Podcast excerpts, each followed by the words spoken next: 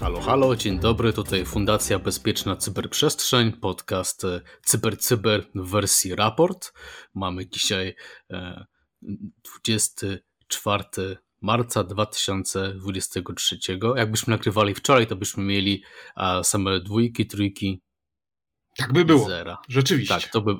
Więc następna okazja, by tak było, nadarzy się w kwietniu przyszłego roku, tylko że będą czwórki zamiast trójek. Więc musimy tak zrobić, żeby wtedy podcast nagrać i. To pamiętaj, nie wiem, to, nie wiem, czy to cokolwiek będzie oznaczało, czy to jest ważne, ale no spróbujemy um, tak zrobić. E, ze mną jest Cyprian Gutkowski. Cześć Cyprian. Cześć Kamil, witam Was bardzo serdecznie wszystkich. A ja nazywam się Kamil Gapiński, a nasze tematy są dzisiaj w raporcie naszym następujące. Huawei coraz bardziej niezależny w produkcji systemów. mBank wprowadza obowiązkowe potwierdzenie tożsamości konsultanta w aplikacji mobilnej. Czy to koniec skamów telefonicznych? Shellbot DDoS atakujący źle zarządzane serwery z systemem Linux. Rząd kupuje laptopy dla czwartoklasistów, orzeł w koronie na laptopach dla uczniów. W jaki sposób jeszcze rząd zabezpieczy sprzęt?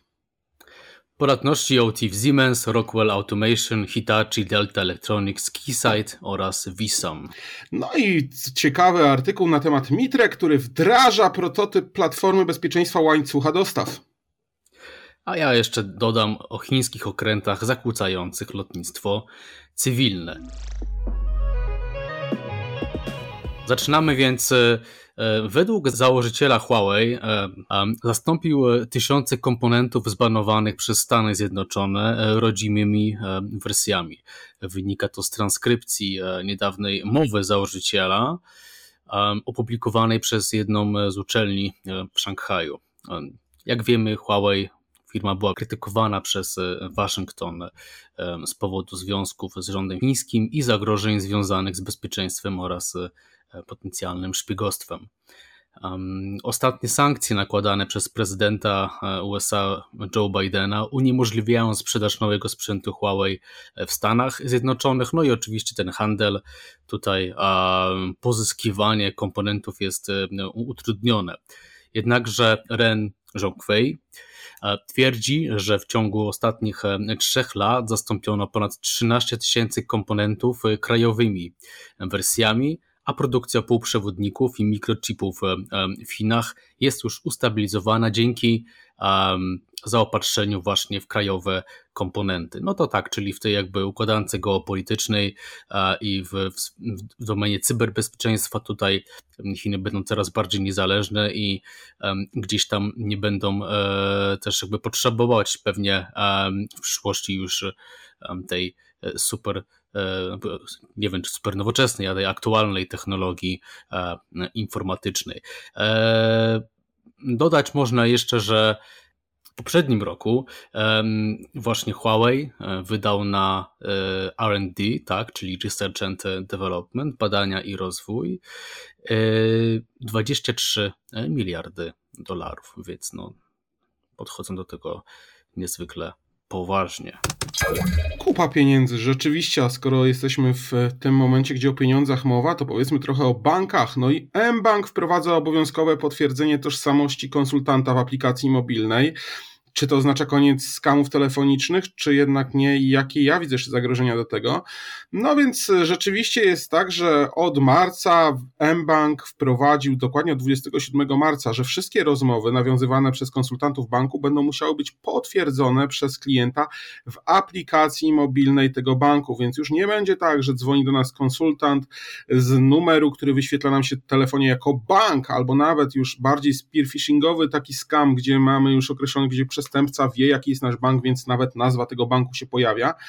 Mm, więc w jaki sposób to będzie działało? No cóż, po prostu, kiedy dzwoni do nas konsultant, y, na swoim dashboardzie, w którym pracuje w systemie, będzie miał także wysłanie przez aplikację mobilną do nas powiadomienia, e, w które będziemy musieli kliknąć. Dzięki temu taki konsultant po pierwsze otrzyma potwierdzenie, że faktycznie rozmawia z nami, więc być może skończą się pytania o trzecie imię i piąte nazwisko ciotka, ojca, brata i będziemy mogli w ten sposób potwierdzić naszą tożsamość. No ale teraz tak dochodzę do wniosku, że jak to czytam bardzo fajnie, bo z jednej strony troszeczkę nas to mm, zabezpiecza przed skamem. Oczywiście pojawia się narzekanie, no ale co, pewnie ktoś powie, że jest awaria i w jakiś sposób poprzez social engineering będzie starał się nas nakłonić do pewnej sytuacji. Natomiast mnie interesuje to, czy nie nauczymy się klikania w cokolwiek nam przychodzi na telefonie.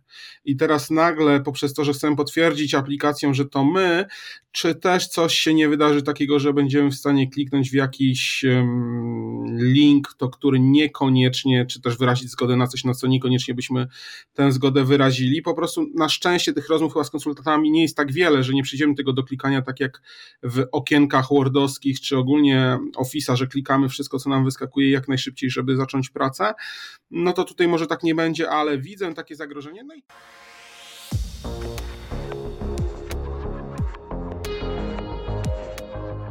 Partnerem strategicznym podcastu CyberCyber jest Koncert SA, lider na polskim rynku cyberbezpieczeństwa. Sprawdź nas na www.koncert.pl. Wtorek e, e, tutaj zidentyfikowaliśmy takiego newsa. E, źle zarządzane serwery Linux e, są celem nowej kampanii, która wdraża różne warianty złośliwego oprogramowania o nazwie Shellbot. E, jest on znany również jako Perlbot i to jest złośliwe oprogramowanie typu DDoS bot opracowany właśnie w Perlu i charakterystyczny z tego powodu, że wykorzystuje protokół IRC do komunikacji z serwerem CNC. Tutaj troszeczkę tak sparafrazowałem, sparafrazowałem, zacytowałem e, mm, raport Aachen Lab Security Emergency Response Center, ASEC.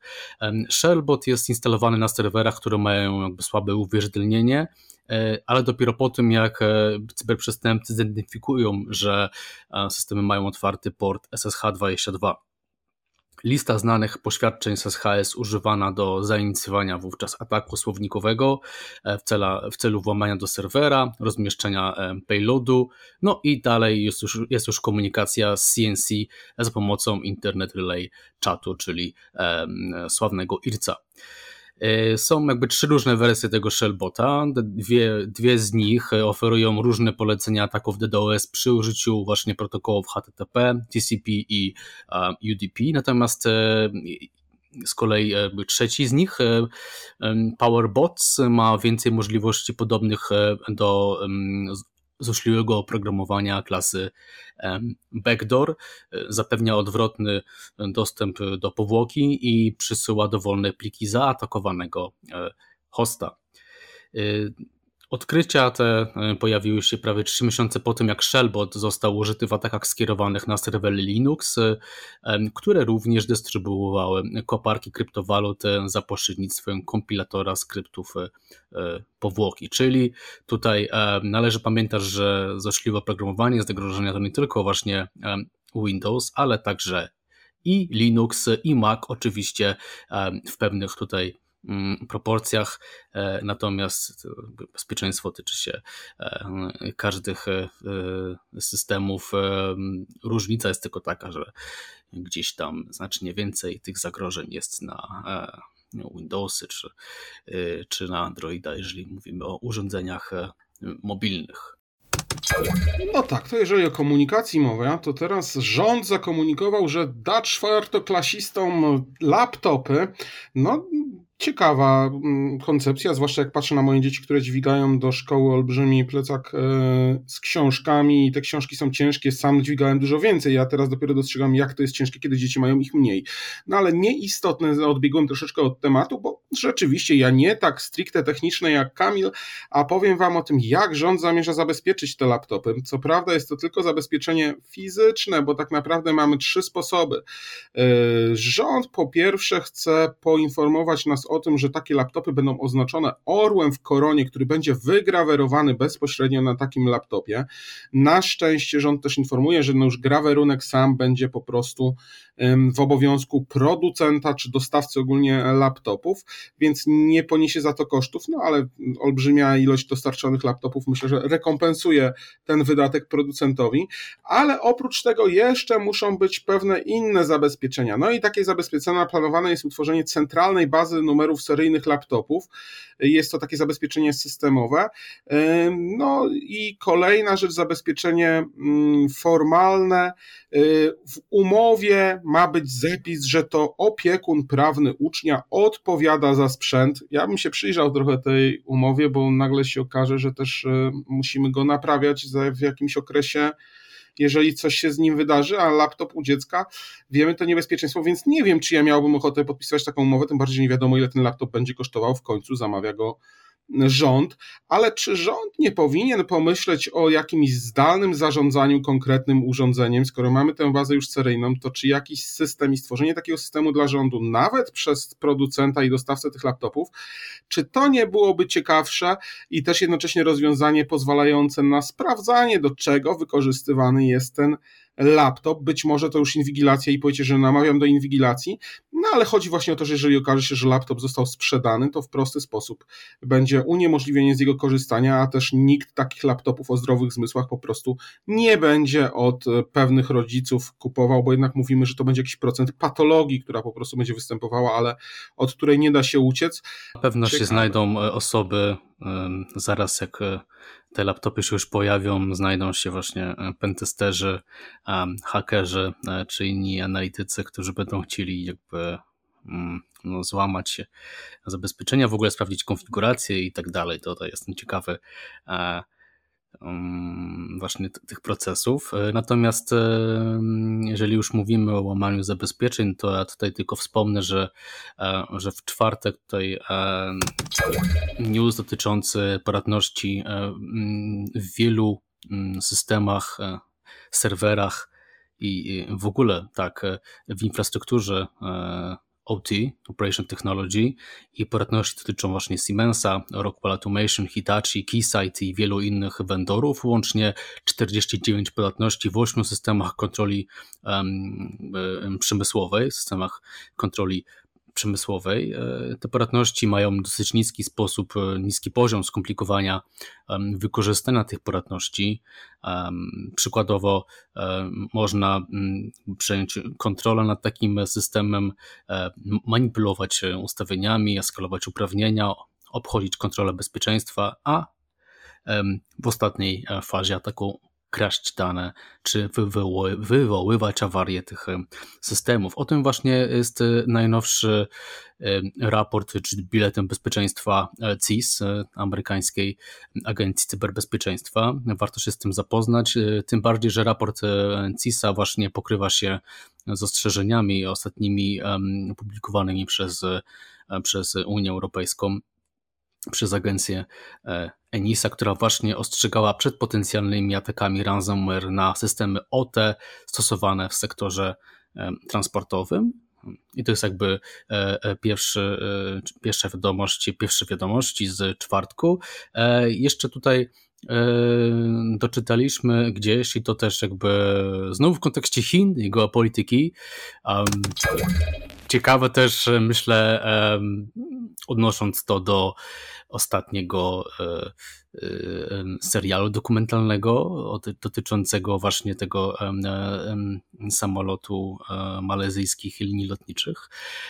Kto oglądał to, ten sobie zaraz te sprawy może skojarzyć. E, australijskie linie lotnicze Qantas ostrzegają o zakłóceniach sygnału na, na kanałach komunikacji VHF pochodzących od stacji reprezentujących chińskie wojsko. I tutaj to w cytacie oczywiście. Nad zachodnim Pacyfikiem i Morzem Południowochińskim.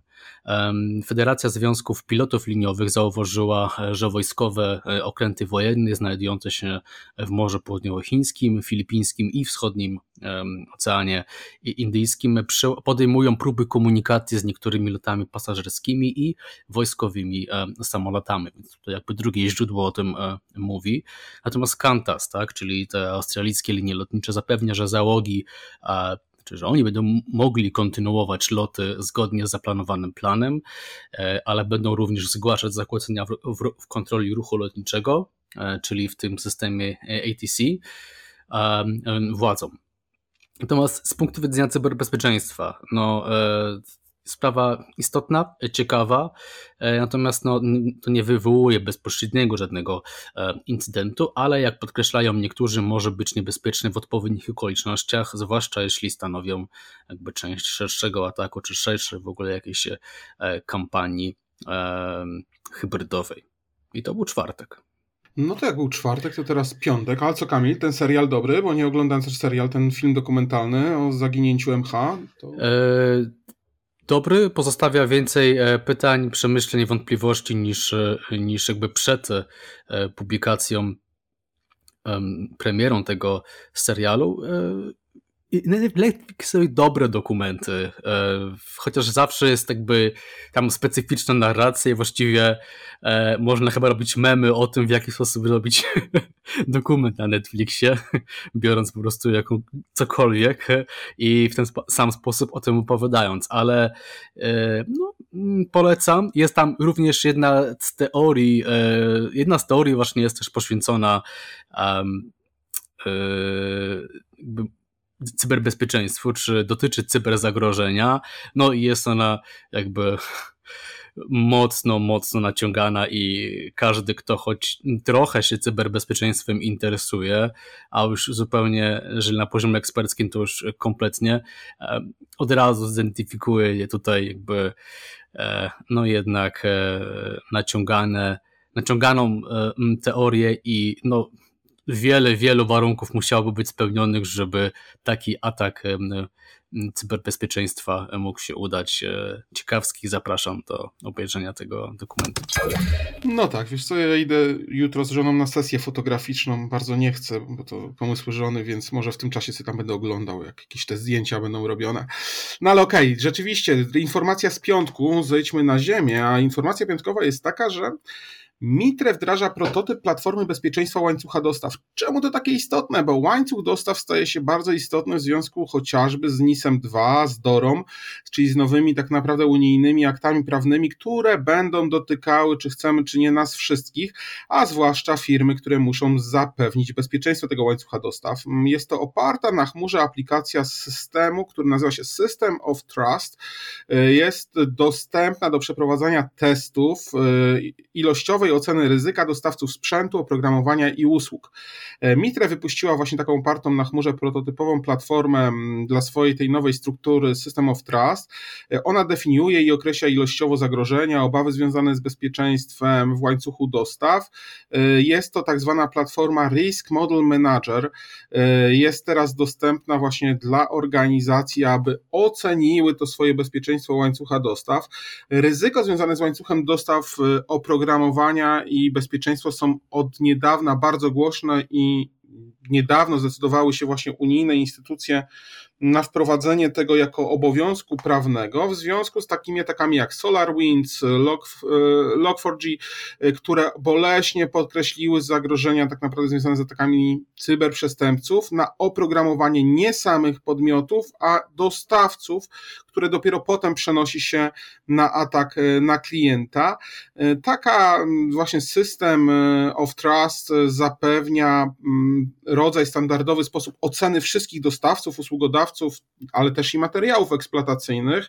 On może być używany zarówno przez zespoły cyberbezpieczeństwa, ale także w całej firmie do oceny dostawcy, bo tak naprawdę ramy tego systemu koncentrują się wokół 14 obszarów ryzyka i związane są z takimi rzeczami jak stabilność finansowa, praktyki dostawcy w zakresie bezpieczeństwa cyber, także y, podrabiania i narażania produktów na szwank, tak? Czy to jest rzeczywiście dostawca, którego często mamy do czynienia z jego podróbkami.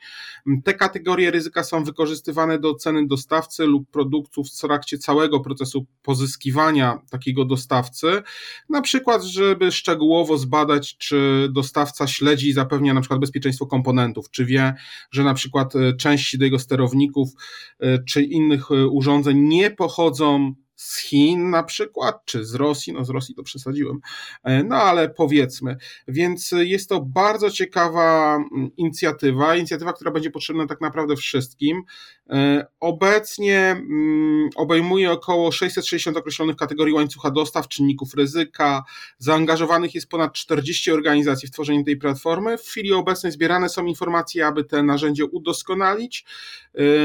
Głównie skierowane jest to do dużych firm, które mają dość spore łańcuchy dostaw, y, ale też wśród tych dostawców, bo wśród znanych członków tej społeczności mamy Microsoft, BlackBerry, CISA, Cisco, Dell, Intel, Mastercard, NASA, y, Schneider, jeżeli chodzi Siemens, więc tacy podstawowi, topowi mm, dostawcy zarówno y, rozwiązań, jak i korzystający z nich są włączeni w tę platformę.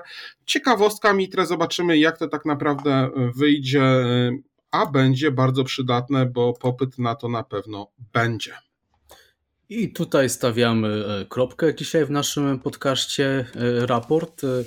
E, news dla Was przygotowali Jan Gutkowski. Dzięki wielkie. I Kamil Gapiński.